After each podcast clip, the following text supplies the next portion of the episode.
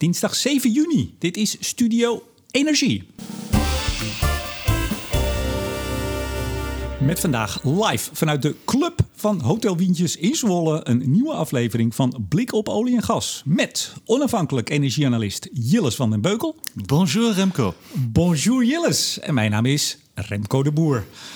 Ja, Jilles, normaal uh, zeg ik hier dan even wat we ongeveer gaan doen. Heb ik even een samenvatting van ja, de onderwerpen. Nou hadden we de laatste op 20 april. Jij ging op vakantie. En dan moet ik zeggen, ja, er is eigenlijk sinds 20 april nou, bijna niks gebeurd. Dus ik weet niet zo goed waarover we moeten we het hebben. Nou, dat voelde toch anders toen ik terugkwam van vakantie hoor.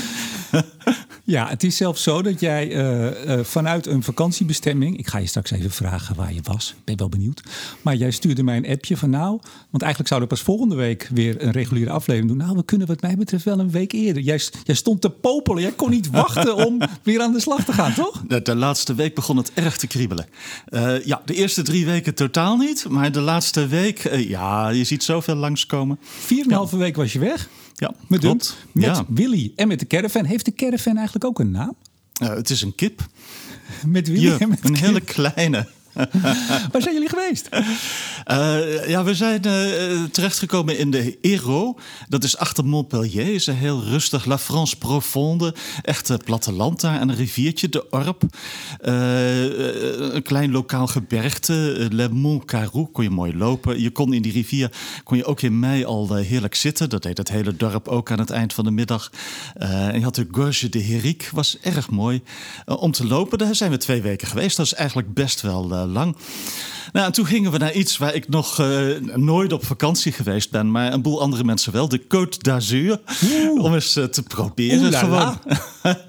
dus daar stonden een, een, een, dag of vier bij Gien. Toen werden we daar uh, vriendelijk verzocht verder te gaan. Want, ik wou zeggen, weggestuurd zeker. ja, nee, er gebeurde iets waar wij totaal niet op gerekend hadden. Het was hemelvaartweekend. En ineens kwamen alle Fransen ook op vakantie. Toen moest je weg, echt waar? ja, ja, toen konden we nog één camping vinden. Met, ja, dat was een hele eenvoudige reden dat we daarheen konden. Hij was belachelijk duur. maar hij had zijn eigen strand. Oeh. Zijn eigen zandstrand. En een prachtig uitzicht over het blauwe water. Dat dat was wel heel mooi. Jij en daar was die foto van. Oh, die was wel ik. heel mooi. Ja, maar je bent ja. alleen in Frankrijk geweest? Alleen in Frankrijk. Ja, en dus 4,5 week met Willy in de kip. Ja, ja is dat leuk? shelter. Is dat dat een klein hefdakje. ja, ja wij, wij, wij, leven trouwens buiten hoor. Ja. Uh, dan, uh, we zijn uh, mooi weerkampeerders. Ah, en, lekker. We leven buiten en, en ja, je leest een boek nog eens af en toe. dat is, dat is ook leuk. Ik heb een leuk boek gelezen over Merkel, wat net uit was. Angela Merkel, 16 jaar geloof ik.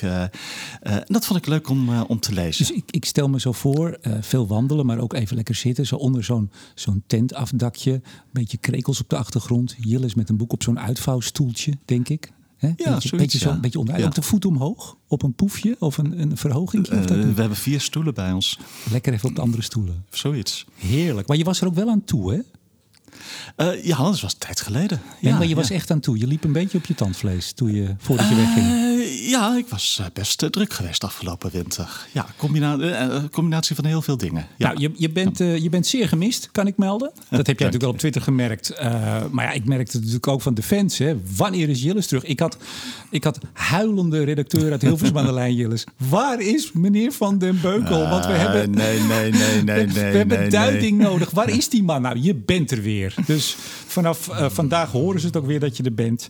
Um, je hebt wel veel gemist, hè? Ja, dat is een boel gebeurd, ja. Ja, ja, ja. Want, want een van de redenen volgens mij ook dat jij bent weggegaan... en dat je op 25 mei niet aanwezig was in Nederland... was dat je niet aan de quiz hoefde mee te doen van Martin Visser. je, je kneep hem toch een beetje, hè? Van hoeveel, straks heb ik heel weinig goed, ga ik toch een beetje nat. Nee, nee, nee. nee. Ik, ik, ik, ik ben misschien meer een private person dan dat ik zo graag in grote gezelschappen zit. Maar nee, voor die quiz. Uh, nee, nee. nee. Nou, ook, even... En ook niet als ik, als ik nul goed had gehad hoor. Voor wie het gemist heeft, jij weet wel wie er gewonnen heeft. Ik weet wie er gewonnen heeft. George Verberg. Ja. Dit mij deugd. Ja, het Oprecht. was fantastisch. En Vind ik leuk. toch nog even, en dan gaan we naar de ja. inhoud. Want we hebben natuurlijk best wel een paar onderwerpjes om het even over te hebben. Ja. Uh, we gaan. Um, Uh, dat zal begin juli zijn. Gaan we alle quizvragen, de 15 quizvragen, die gaan we uh, publiceren. Gaan we op, uh, waarschijnlijk op Twitter zetten en LinkedIn. En dan gaan we met Martin Visser, of ik ga met Martin, gaan we de antwoorden geven in onze halfjaarlijkse grafiek van het jaar show. Waarin we de hele sta stand en staat van de Nederlandse transitie doornemen. Dat doen we aan de hand van die 15 vragen. Want dan komt alles langs. Dus mensen die de afgelopen weken dachten: ah, ik kon er net niet bij zijn. Of gelukkig dat ik er niet bij was, kunnen ze toch nog van de vragen genieten. Goed, Jilles, uh, zesde EU-sanctiepakket, iets met olie. Uh, Gazprom die tegen Gasterra zei: Nou, laat dan maar zitten. Als jullie geen roebels betalen, dan, dan leveren we meer. Shell en Ørsted trouwens ook. Juan Diaz veld boven Schiermonnikoog. oog. Uh, OPEC Plus, heel veel te bespreken. Waar wil je mee beginnen? Nou, laten we die volgorde maar aanhouden dan. Oh, nou, Zesde, zesde sanctiepakket. Ja. ja, iets met olie. Er zit ook heel veel meer in. Hè. Er worden steeds meer mensen op de sanctielijst gezet, personen. Maar het gaat eigenlijk vooral toch even in de blik op olie en gas podcast over olie. We hebben het er vaker over gehad. Jij zei altijd, uh, of zegt altijd, als je een uh, boycott doet, dan moet je het met z'n allen doen. Je moet het snel doen. En nou, een soort harde Big Bang. Nou, dat is het in ieder geval niet. Eind dit jaar moet het rond zijn. Pijpleidingolie is uitgesloten. En allerlei landen hebben ook nog extra, die, daar lees je niet zoveel over, maar ook nog, mogen nog extra lang erover doen voordat ze van het, uh, de tankerolie af zijn. Is dit een goed plan? Ja, ik vind het toch wel een goed plan. Ik denk dat het het maximum is wat, uh, wat haalbaar is voor de EU. Uh, en het zal tijd nodig hebben. Op de korte termijn doet het Poetin niet zoveel pijn. Maar op de lange termijn gaat het hem wel uh, echt pijn doen. En wat denk ik heel belangrijk is, is één element wat erbij komt. namelijk dat het voor verzekeraars en voor scheepvaartbedrijven heel moeilijk wordt gemaakt om nog iets met Russische olie te doen. En dat betekent dat het voor Poetin heel moeilijk wordt om die olie die hij niet in Europa weg uh, kan zetten, om die naar India en uh, Azië te krijgen. En dat is een, uh, ja, zeg maar een heel belangrijke additie aan, aan dat sanctiepakket die op den duur, denk ik, Poetin uh, serieus uh, ja. pijn gaat doen. Ja. En het vooral belangrijk, en daar hebben ze ook lang aan gewerkt, om Groot-Brittannië mee te krijgen. Want dat is eigenlijk EU en Groot-Brittannië samen zijn geloof ik de grootste verzekeraar. Ja, nou, als het om verzekeren gaat, Lloyds, Londen, dat, ja. dat speelt daar een centrale rol. Nou waren er wel meteen ook reacties van, ja inderdaad, dat doet misschien wel het meeste pijn. Maar, dat hebben we bij Iran gezien, er zijn allerlei sluiproutes die toen zijn ontwikkeld, waar, waar we nu al van zien dat de Russen dat ook doen. Net buiten de kust overpompen in een ander schip nou ja, uh, sjoemelen, uiteraard. Uh, papieren vervalsen. Hoe, hoe kijk je daar tegenaan? Uh, nou ja, dat, dat, dat zal uh, gaan, wel doorgaan. Maar uh, ja, dat zijn toch de kleinere spelers die zich daaraan wagen. En de grotere spelers, en ik denk ook echt de grote handelaren. die toch in, in het verleden soms erg scherp aan de wind hebben gezeild.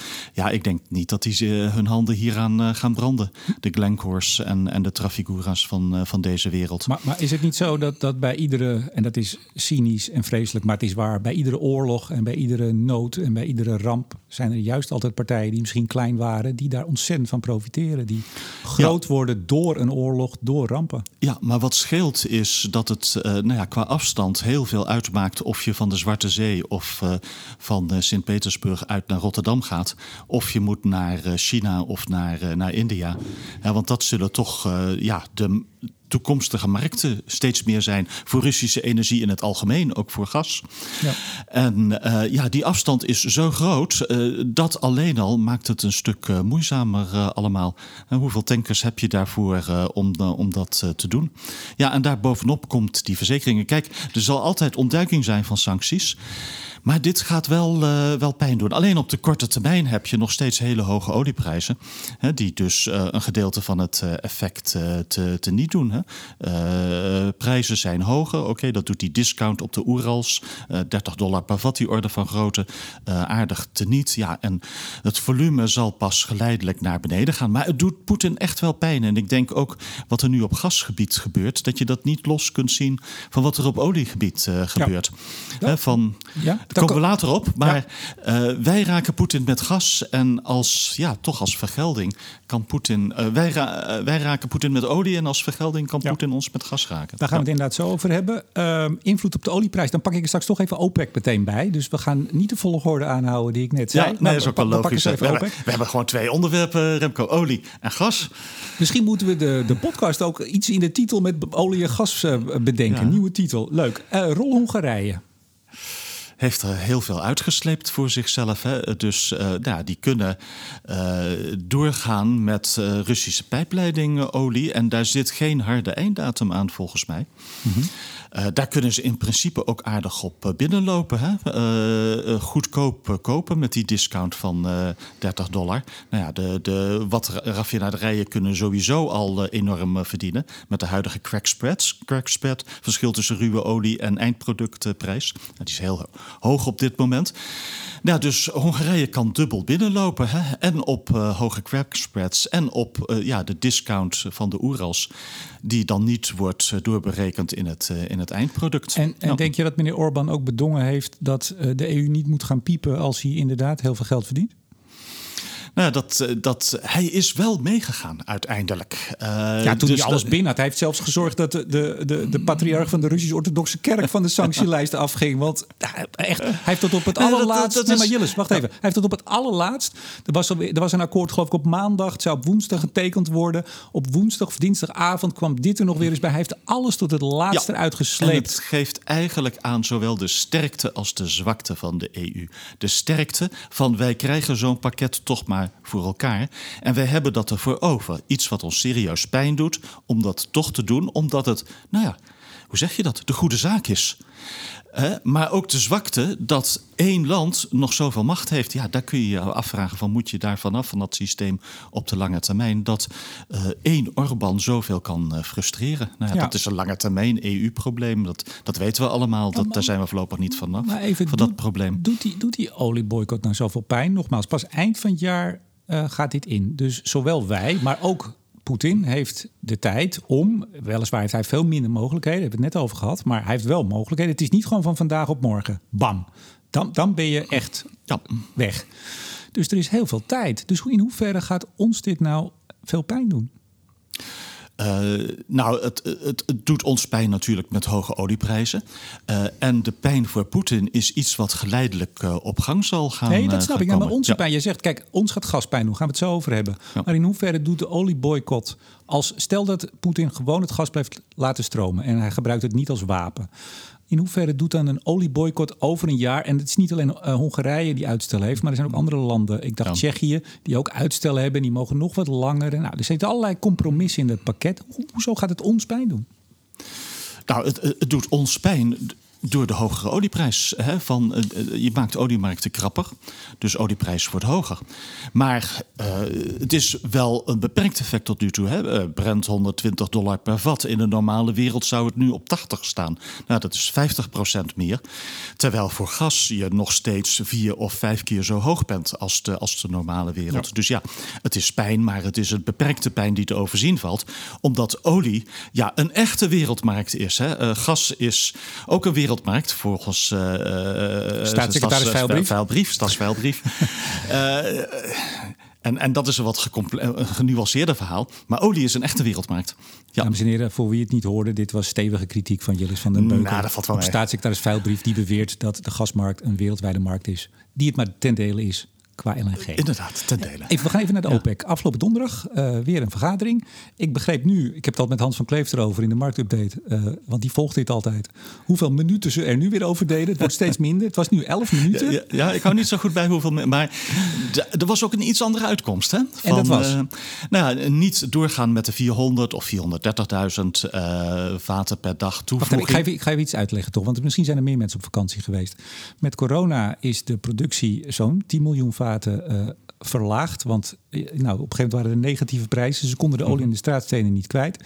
En nou, nu we uit corona komen, althans de wereld langzaam uit corona komt. De een wat sneller dan de ander. China nog steeds, nou, maar een beetje. Heb het zo over wordt de productie steeds wat opgevoerd. 400.000 vaten en een beetje per maand extra erbij. Dat is het afgelopen ja, tijd geweest. Dat is een hele tijd volgehouden. Hele tijd volgehouden. En er zou nu vanaf september zou het in de 600.000, 648.000 orde, orde grootte. Wat is er nu besloten om vroeger te doen? Uh, nou, het is eigenlijk uh, besloten om de normale verhoging van september om die naar voren te halen. Zodat ja. je in juli en augustus niet met orde van grootte 400.000 vaten per dag omhoog gaat, maar met ruim 600.000 uh, vaten per dag. Dus uh, dat zal wat verlichting brengen op de oliemarkt. Maar wat deed toen dit besluit uitkwam, wat deed het op de olieprijs afgelopen week? Nou, weinig. Niks? Uh, kijk, er is uh, nou ja, een aantal dingen wat meespeelt. Psychologisch speelt het ja, toch wel mee in de zin van dat ze van die laatste anderhalf jaar wet van mede en persen elke maand 400.000 of 430.000 erbij dat ze daarvan afstappen. dus, dus dat speelt wel mee. Maar ja, Kijk, het wordt gewoon krapper geleidelijk op de oliemarkten.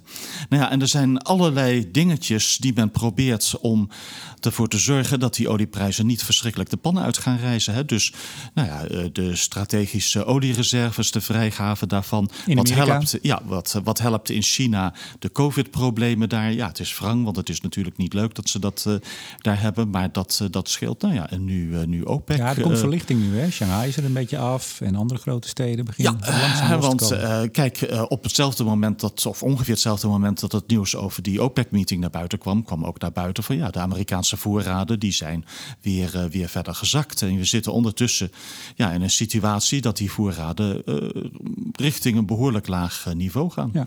Even twee, twee zaken die mij opvielen bij de OPEC. Eén, je hebt het er net over Amerika. Uh, nou, uh, Amerika heeft uh, Joe Biden, die ging bijna op zijn knieën af en toe, probeerde die naar Saudi-Arabië te komen om toch maar smekend te vragen of ze niet eens wat meer konden gaan produceren. Ja, zijn gezant, Amos Hochstein, die is echt ja. een soort pen, heen en weer gependeld ja. de hele tijd. Nou, Amerika feliciteerde ook OPEC Plus een beetje van, nou hartstikke goed. Het is zelfs zo dat Joe Biden gaat een bezoek brengen aan Saudi-Arabië. Nou, dat doe je ook pas op het moment dat je uh, wil laten zien: je bent mijn vriend, Mohammed bin Salman. Um, waarom is Saudi-Arabië in die zin. Nou, laat ik zo zeggen, zijn ze voor de druk bezweken van de Amerikanen of speelt hier iets anders? Uh, een beetje van beide. Van uh, ja, er is toch druk van de Amerikanen. En uiteindelijk uh, willen ze toch ook wel wat voor de Amerikanen doen. Hoewel de verhoudingen niet zo close meer zijn als ze vroeger in het verleden waren. En daarnaast ook Saudi-Arabië geeft geen belang bij 150 of 180 dollar per vat. Want dat gaat op de lange termijn ja, toch het vertrouwen in olie. Het marktaandeel van olie, daarvoor is het slecht nieuws. Het versnelt de energietransitie. En terwijl oei, oei, dat heel veel mensen, nou, laten we wel zijn, die energietransitie willen versnellen. Zijn er toch ook een aantal landen die dat niet hardop zeggen, maar toch eh, in de praktijk ja, liever niet al te snel zien? Ja, maar er was er nog iets. Rusland was volledig akkoord met deze verhoging. Terwijl ze zelf minder kwijt kunnen, minder kunnen produceren. Wat zit daarachter? Nou ja, zij zien in dat dit onvermijdelijk uh, is. En zij willen een goede relatie behouden met Saoedi-Arabië. Zij willen ja, dat pakt dat toch een verstandshuwelijk is. En een verstandshuwelijk kun je ook weer opzeggen. Ja, dat willen ze niet kwijt. Ja, want toen wij met Blik op olie en gas begonnen in 2020, aan het begin van corona, toen Ja, stond was- ze op voet van oorlog met elkaar. Ze, gooiden de kranen vol open om elkaar eh, de markt uit te prijzen. Ja, ja. En, dat, dat nou- hebben ze niet lang volgehouden, die, eh, die, eh, die oorlog. Nee, maar, maar is dat. Ik bedoel, kun je je ook voorstellen, dit is natuurlijk speculeren. Ik denk zelfs ook van jou, want jij, jij kent iedereen natuurlijk in het wereldje. Jij kent Mohammed bin Salman, Ja, daar kom je over de vloer. Maar Ik ben ooit één, één keer één uurtje in Saudi-Arabië geweest op een vliegveld. eh, Maakt niet dat uit. was het, eh, dat is reden genoeg om jou vanavond weer in een talkshow te zetten. Dus wat dat Ja, specialist ben je gauw. Maar ehm, eh, kan, er ook, kan het ook zo zijn dat Saoedi-Arabië beloftes heeft gedaan aan de Russen om ze zo ruimhartig mee te krijgen? Van nou ja, als jullie meegaan, dan kunnen wij weer wat voor jullie regelen. Wat, wat, wat, speelt daar? Ik weet niet wat er achter de schermen hè? speelt. Dus, eh, dus eh, ik, ik, ik denk wel dat er eh, een soort verstandhouding, een behoorlijke verstandhouding tussen Poetin en MBS Mohammed bin Salman is. Hmm. Ja, Ehm, nou, moeten we naar het volgende onderwerp. Ja, zeg het maar. Of, dit hebben we gehad, toch? ja, ja. ja. Moeten we nog over dieselprijzen hebben eigenlijk? dat, dat, eh, was behoorlijk hoog, eh, kan ik eh, uit dieseltekort praktische eigenlijk. ervaring nu beamen. Afgelopen paar Oh, jij weken. rijdt diesel. Ja, ik rijd diesel, ja. Ja, Oh, ja. oh jee. Ja, is, dat, is dat twijfelachtig? Ik weet het niet. Voor de CO2-uitstoot is het... eh, ja, nee, maar kijk, elektrisch komt er wel aan een keer, tuurlijk. Ja. Maar ja, je, je, deed, je deed er nu al heel lang over om met die kip achter je auto nog, nog naar Nederland terug te komen. Maar met elektrisch eh, moet je denk ik ook wat vaker laden dan. Nou, zeg ik de, hele de gekke ideale dingen? caravan die we hebben om ooit elektrisch te gaan rijden. Ja. Hey, maar even dat dieseltekort, want daar was al een tijd sprake van dat het echt allemaal heel krap is nog. Dat is nog steeds zo. Dat is nog steeds zo? Ja, dat is nog steeds zo. En, en je ziet ook uh, nou ja, het grote verschil tussen productprijzen, zowel voor benzine uh, als voor diesel en, en, de, en de ruwe olieprijzen. Hè. Wij hebben het vaker over ja, een oliecrisis, gascrisis, maar het is eigenlijk ook een, eh, een productcrisis. Hè. Het zijn er drie, uh, drie elementen waar het uh, ja, toch heel krap is. En dat geldt ook voor raffinaderijen en raffinagecapaciteiten. Er wordt nou ja, al, al decennia lang niets bijgebouwd in Europa en Amerika. Eerder wat gesloten. Hè? De kleine raffinaderijen niet erg flexibel met hun input of hun output. Ja, en je ziet nu allerlei systemen ja, die uh, heel efficiënt en mooi en goedkoop werken in een perfecte wereld, maar weinig robuustheid hebben eigenlijk voor uh, ja, grote veranderingen. Nou, en daar hoort raffinage ook bij eigenlijk. Over robuust gesproken, robuust beleid. De Mijnraad kwam met een advies 1 juni. De minister stuurde het ook meteen door naar de Kamer, of althans twee dagen later. Ja, ja, um, ja, ik geloof dat het verleden wel eens anders was. Maar uh, nu worden dat soort adviezen binnen een dag uh, gepubliceerd. Ja, ja uh, Mijnraad zegt, nou, we zouden dus robuust beleid moeten gaan voeren. moeten scenario's maken. er gebeurt van alles, gasmarkt.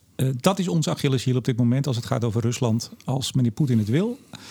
Dat wil je misschien wel niet, maar als hij ook echt de, de lucratieve, uh, langjarige contracten die nog lopen ook opzegt. Want wat gebeurde er? Uh, Gazprom zei tegen Gasterra, nou als jullie niet de roepels betalen, dan stoppen we ermee. Maar dat contract liep al in oktober af, ging nog om een klein beetje. En dat is eigenlijk ook het geval geweest met de andere afsluitingen tot nu toe. Ja, zeg het maar. Nou, wij moeten rekening houden met dat uh, scenario dat die uh, gaskraan misschien wel helemaal uh, dicht gaat ergens tussen nu en komende winter. En dat is ook wat de Mijnraad zegt van ja, uh, wij moeten een, een, een robuust beleid voeren wat voorbereid is op allerlei scenario's. En dit is toch het scenario wat een stuk waarschijnlijker is geworden, ook na het sanctiepakket op het gebied van olie. Ja, dat uh, Poetin uh, terugreageert met die gaskraan steeds verder dicht te draaien. En dat is eigenlijk de grote vraag op dit moment. Gaat die gaskraan helemaal dicht? Want dan hebben we een serieus probleem. Kijk, als het op het huidige niveau blijft, ook hè, met die min 15 of min 20 procent die we nu zien doordat Nederland, een stukje Duitsland, Polen, Bulgarije, Finland uh, minder of geen gas krijgen. Nou, dat valt te overzien. Hè? Want uh, ja, er zijn ook best een aantal dingen uh, goed gegaan de afgelopen maanden. Wij halen heel veel LNG binnen. Het vullen van de voorraden de afgelopen drie, vier maanden is een stuk beter gegaan dan een, een jaar geleden. Kosten patiënten heb je ook wat? Het kost een paar centen, maar dan heb je ook wat. En, en dat in wezen zijn wij nu beter voorbereid dan een jaar geleden.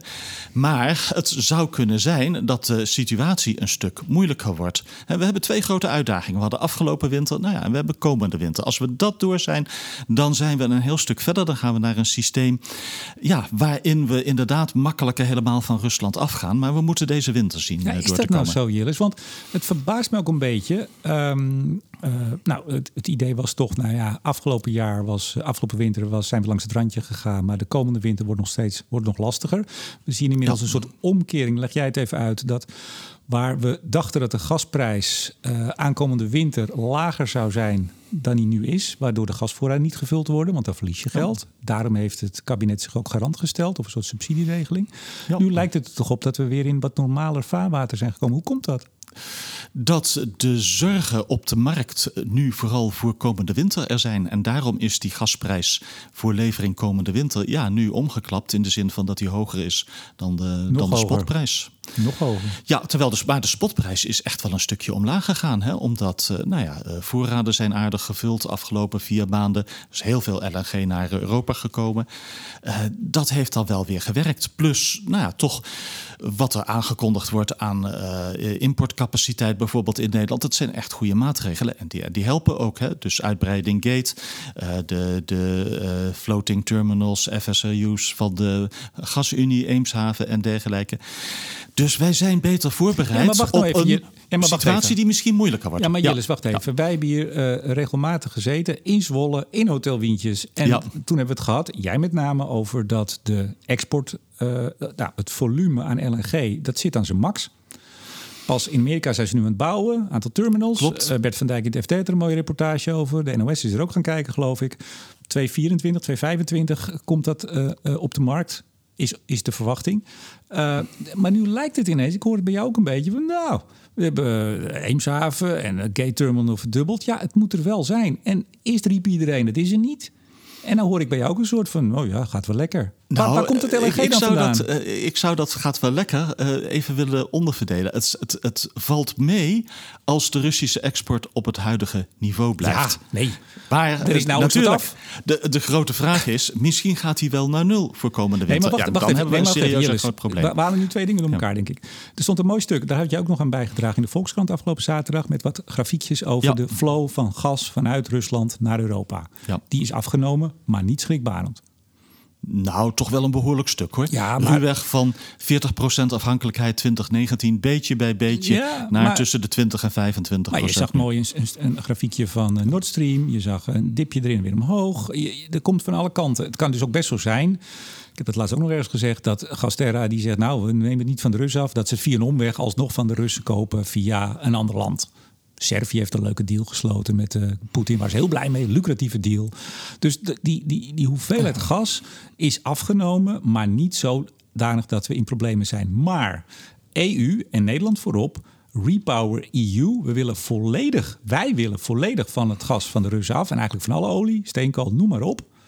En we zouden eind dit jaar al van twee derde van alles wat we importeren aan gas, dat is 150 eh, miljard kuub ongeveer, we zouden 100 miljard kuub eind dit jaar ergens anders vandaan moeten halen. Dat is het plan. Ja. En daarvan heb jij gezegd, en hebben ook anderen gezegd, gaat nooit lukken. Maar nu zie ik een soort optimisme van, ja, ja hoor, we hebben geen capaciteit, maar waar halen we dat gas dan vandaan? Ik snap het niet meer. Nou ja, je ziet toch heel veel, en misschien wel meer dan ik verwacht had een, eh, een half jaar geleden. Je ziet heel veel LNG naar Europa komen nu. Omdat, de- Azië de- precies. Echt Ja. massaal terugschakelt van, eh, van, van, van gas naar, eh, naar kolen. Ja, hoort u dat, luisteraars? Van gas naar kolen.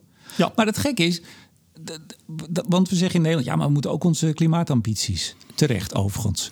Maar hier hebben we het dan niet over. We hebben het dus niet over de prijs. Ik heb weer even alle weekendkranten, alle zaterdagkranten. Het gaat vooral over, nou ja, het gaat eigenlijk wel iets beter. Maar we betalen ons helemaal blauw. We betalen ons helemaal blauw, absoluut. Plus dat Azië gaat over op kolen. Die hebben dus eh, hun contracten. Die zeggen, nou, wij kunnen het LNG wel doorverkopen aan die gekke, die gekke Europeanen.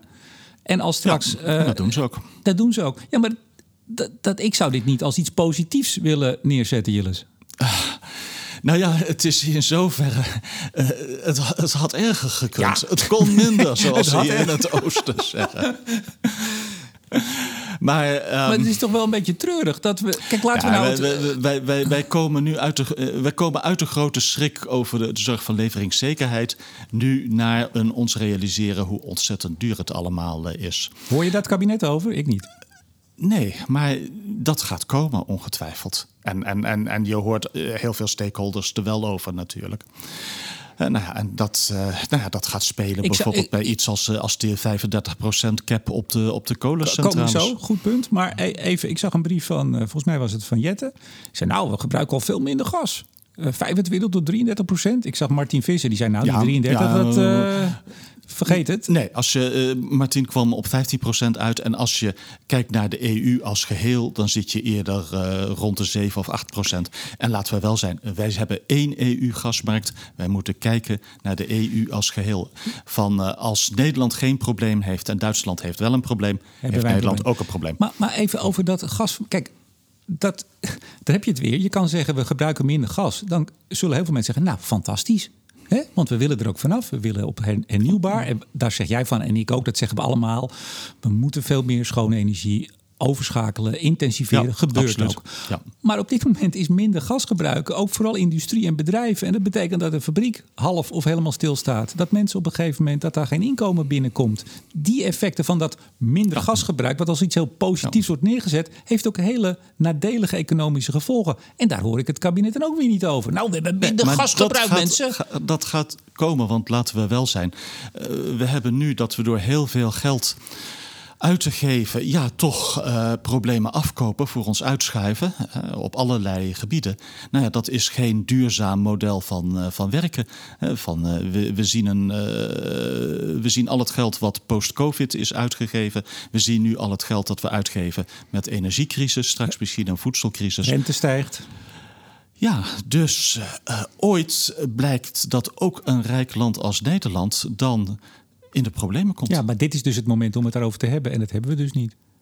Nee, want Hier een eh, paar het honderd is miljoen. niet Dit de regent honderden miljoenen op dit moment. Het, het, het, het staat niet hoog op de politieke modelijst op dit moment. Maar in de achterhoofden van politici en ministers speelt dat wel. Ik herinner me eh, minister Wiebes ooit, die een paar jaar geleden misschien wel bij jou in de podcast zegt: van waar ligt u nou echt wakker van, minister Wiebes? Ons verdienmodel over 10 of 20 jaar. En ik proefde erbij iets en ik krijg niet de tijd en de mogelijkheden om dat basisgrote probleem echt te adresseren. Want wij zijn ja, toch bezig met politieke brandjes uh, blussen. En dat, Kamervragen beantwoorden. Ja, en dat, Ja. dat, dat zie je helaas op. op ik, ik wil er niet te ver over uitweiden of te veel over uitweiden. Maar je ziet het op alle terreinen. Je ziet het nu. eh, we nemen dit op maandag op.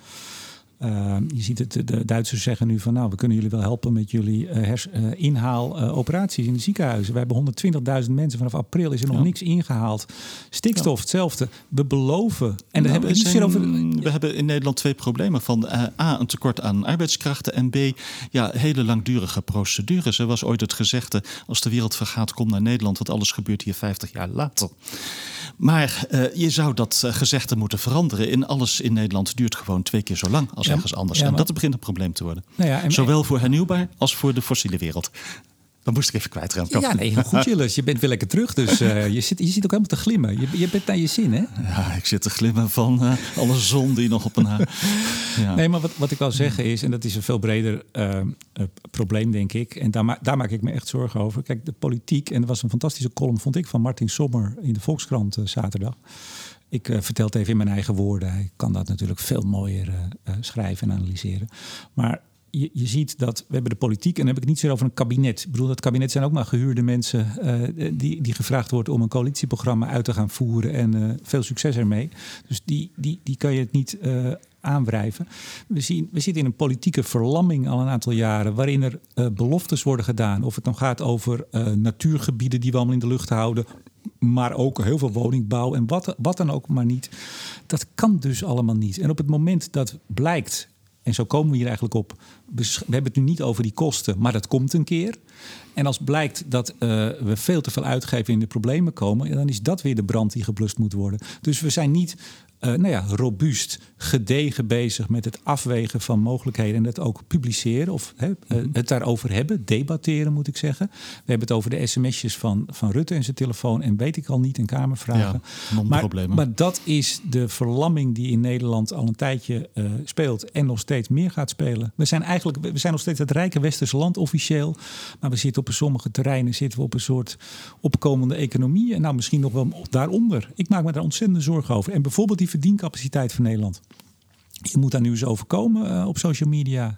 Je, je, je, wordt, je kop wordt eraf gehaald. Want we moeten minder stikstof en we moeten minder uitstoot. En we moeten, ik weet al niet. Nou goed. Ehm kolencap, 35% 1 januari ingevoerd. Na veel soebatten. Dat is eh, nou, meer dan anderhalf jaar gewerkt. Eh, wanneer, wanneer werd er al over gesproken? Nou, twee jaar geleden. Ehm, steeds meer stemmen gaan erop om te zeggen: haal die cap eraf, laat die kolencentrales draaien zoveel ze willen eh, al als kunnen. Want dan hoeven we veel minder gas te importeren. Of we kunnen veel meer gas in de opslagen stoppen. Wat vind jij? Ik vind het de no-brainer, eh, het laaghangend fruit bij alle dingen die er mogelijk zijn om de afhankelijkheid van Russisch gas eh, te verminderen. En ons klimaatdoel dan, Jilles? Uh, voor het klimaat is dat eigenlijk alleen maar goed als we dat doen. Dat klinkt raar, maar wat er nu gebeurt, Remco, is dat we uh, heel veel LNG binnenhalen. dat, uh, doordat we die kolencentrales niet voluit laten draaien, halen we meer LNG binnen dan, dan anders. dat LNG dat komt nou ja, omdat afnemers in Azië op de spotmarkt te weinig actief zijn of wat ze aan lange termijn contracten daar binnenhalen, relatief goedkoop, heel duur aan Europa doorverkopen. En dat betekent dat ze in Azië uh, terugschakelen van, uh, van gas naar kolen. Nou ja, dat kunnen wij ook zelf doen, terugschakelen van gas uh, naar kolen. Dat scheelt het ons ontzettend veel geld. en de kolencentrales uh, die hier stroom leveren, die doen dat uh, een stuk efficiënter en met een lagere uitstoot dan de gemiddelde Aziatische centrale. Dus het is heel goed voor onze financiën als we dat zouden doen. En je helpt er in plaats van dat je het wereldwijde klimaat hindert mee. Hè, uh, je vermindert er de wereldwijde uitstoot ja. mee. En de enige reden om het niet te doen is eigenlijk als je ja, toch een soort van fetischisme hebt voor nationale of Europese in plaats van wereldwijde emissiecijfers. Ja, en uh, Martin Visser zegt ook dat we ook het Urgenda-fonds, zeg ik nog altijd, die 25 procent, die we het eerste jaar wel haalden, het tweede jaar waarschijnlijk niet, vorig jaar. Uh, dat we dat dit jaar, uh, uh, ja, volgens mij zegt hij zelfs ruim halen. Dus als je het daarvoor zou doen, ja, daar hoeft het ook niet ja, voor. Maar ook ja. dit is weer zo'n zo'n onderdeel van waarin we de laatste jaren politiek, en dan heb ik het nogmaals niet over het kabinet, maar dan heb ik het over de Tweede Kamer, dan heb ik het over partijen, heb ik het over coalitie en oppositie, ja, elkaar in een soort wurggreep houden. Het is eigenlijk gewoon onbespreekbaar om uh, meer uit te stoten. Althans, zo lijkt het dan. Jij geeft net even de achtergrond.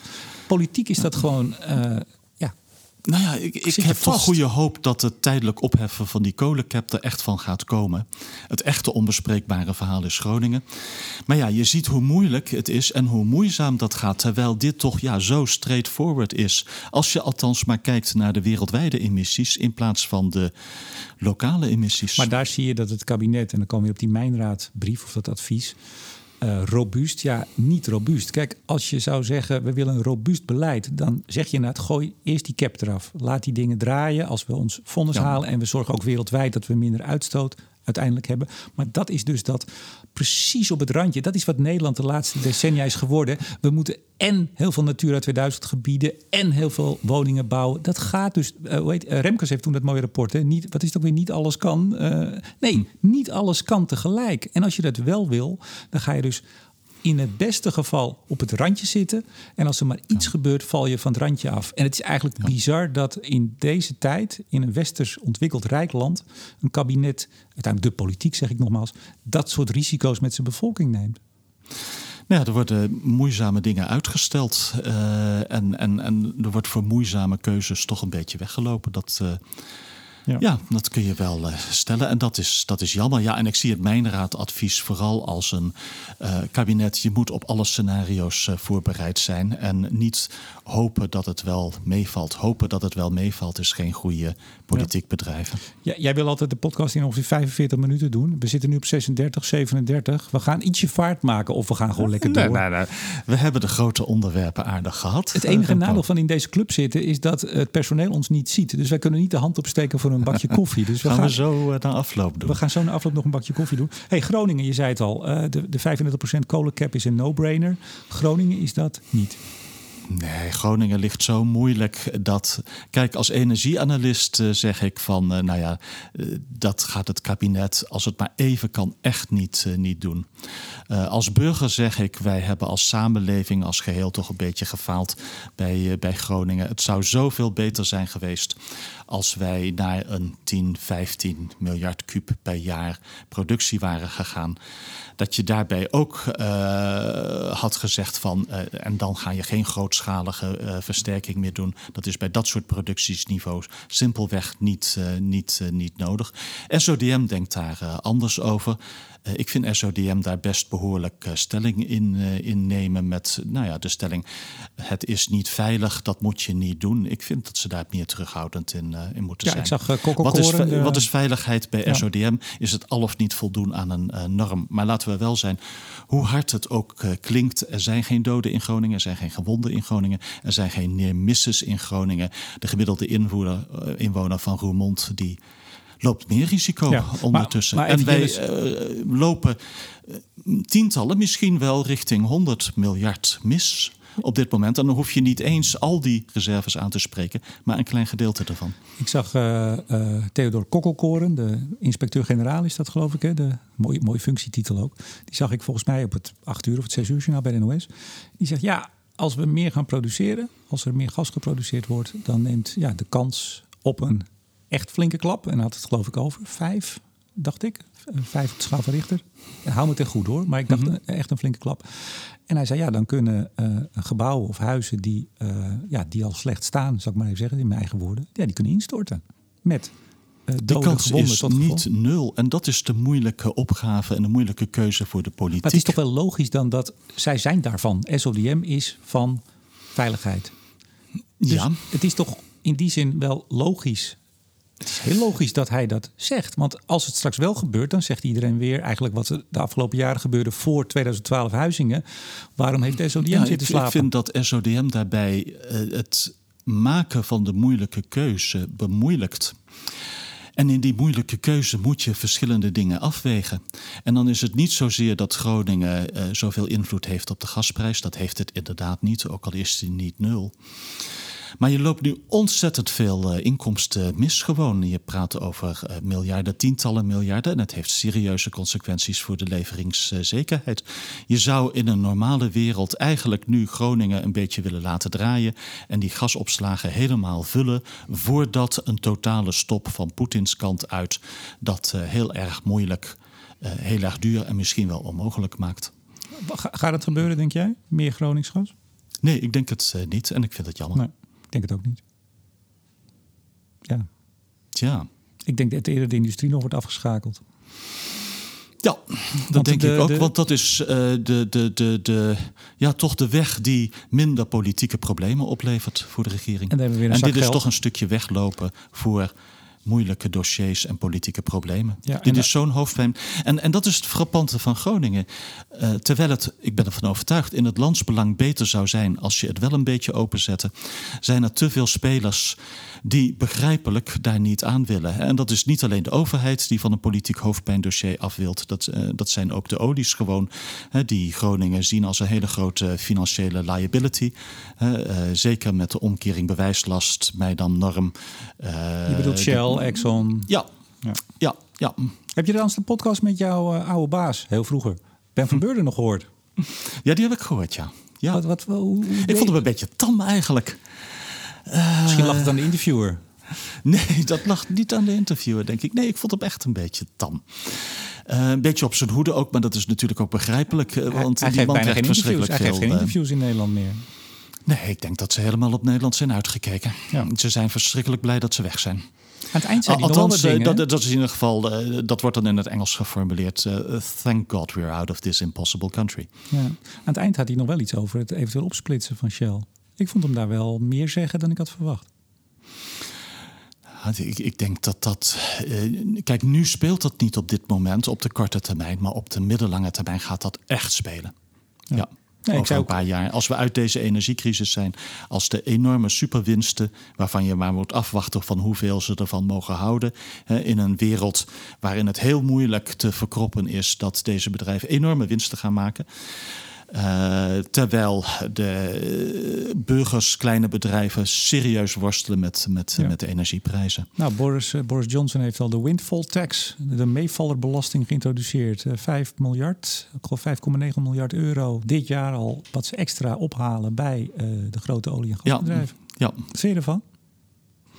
ja, sommige dingen zijn politiek onvermijdelijk. Al had het eh, eh, geholpen als eh, Bernard Looney, de CEO van BP, ja, toch niet had gezegd dat het geen invloed zou hebben op zijn investeringen in het hij, publiek. Jillis, dat heeft hij vooraf gezegd. Nu het is ingevoerd, heeft hij toch gezegd, begrijp ik, Ja, dat, dat, het, dat ze toch nog eens gaan kijken naar de investeringen die ze in Groot-Brittannië gaan ja, doen. ja. Looney's levy. Tja. Heet die zo al? Ja, zo heet het straks in Engeland. Dus alles draait dan meer om BP dan om Shell. Ja. Eh, ja, hoewel Shell toch ja, echt weg is uit, eh, uit Nederland. Nederland is voor Shell nu land nummer 15 hè, in de belangrijkheid van, eh, van landen wereldwijd. Ik vond het wel mooi toen ze vertrokken. Toen uh, kwam er een, een brief en eigenlijk een soort charme-offensief. Maar we, vinden in Nederland heel belangrijk. Dat benadrukte Van Beurden ook in de podcast. Hetzelfde hoorde ik van de week, of wanneer was het? Twee weken geleden bij DSM, hè, die nu ook een Zwitsers bedrijf worden. Uh, ja, maar Nederland, Nederland heel belangrijk hoor. Nederland heel belangrijk. Dat is, We hebben er een legacy presence die heel groot is. Ja. Legacy presence. Ja. Een mooi en veelzeggend uh, woord. Precies. Ja, ook dat is iets om. Nou ja, daar maak ik me ook zorgen over. Maar ja, ik, ik, ik ben niet een somber iemand. Hè? Jij kent me wel een beetje. Maar je hebt het gemak nu waarbij met het vertrek van hoofdkantoren. En er wordt er altijd gezegd: nee, maar het is maar alleen, alleen de staf. En, ja, uh, nee, Elsevier, natuurlijk niet. Elsevier, Unilever. Unilever, DSM. Wie hebben we nog over? Maar we hebben er nog wel een paar over. We hebben ook een paar groeikampioenen. Ja. Uh, ASML, ja. uh, dat wordt dan ook altijd aangehaald. Maar goed, we gaan even door. Want tot slot zou ik zeggen, gaan we toch nog wat meer gas winnen, Jilles? Jawel. Ja. Boven de, boven de Waddenzee. En Niet in de Waddenzee, erboven. Ja, ja, het heeft een tijdje geduurd. 2017 gevonden als Ruby. En het zit er nu aan te komen. FID nog niet genomen hoor, nee, dacht ik. Maar hij komt er wel ja. aan. Ja, ja. Ja, dat had ons enorm kunnen helpen, want het is ook nog eens laagcalorisch gas. Hè? Als het nu al geproduceerd had en in een normaal land had dat al een jaar lang geproduceerd. Ja, wat... Want het, het, het zit vlak bij de pijpleiding, de, de, die daar loopt, uh, vijf of tien kilometer afstand. Uh, nou ja, zo moeilijk is het niet om, om, om zo'n veldje te ontwinnen. En dat dat zeven, zeven en een half jaar duurt, oi, oi, oi. Ja, dat is One Dias, dat is het bedrijf ja. die dat uh, gaat winnen. En wat, ik, wat mij opviel, ik kreeg het persbericht binnen van, nou ja, van het kabinet of van het ministerie.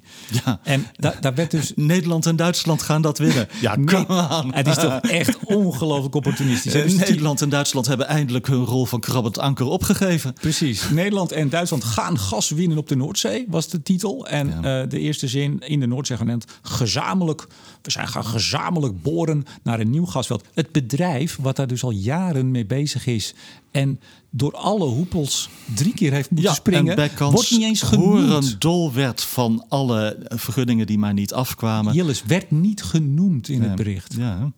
Ja, Nee, maar dat is toch. Nee, maar daar, daar kan ik dus wel. Kijk, ik, ik zeg altijd: een kabinet, nogmaals, het zijn gehuurde mensen die een, een coalitieprogramma moeten uitvoeren van partijen in de Kamer, die soms hun eigen programma onderuit proberen te schoffelen voor, voor uh, de, de kiezerswinst. Uh, um, maar dat je dit durft te zeggen.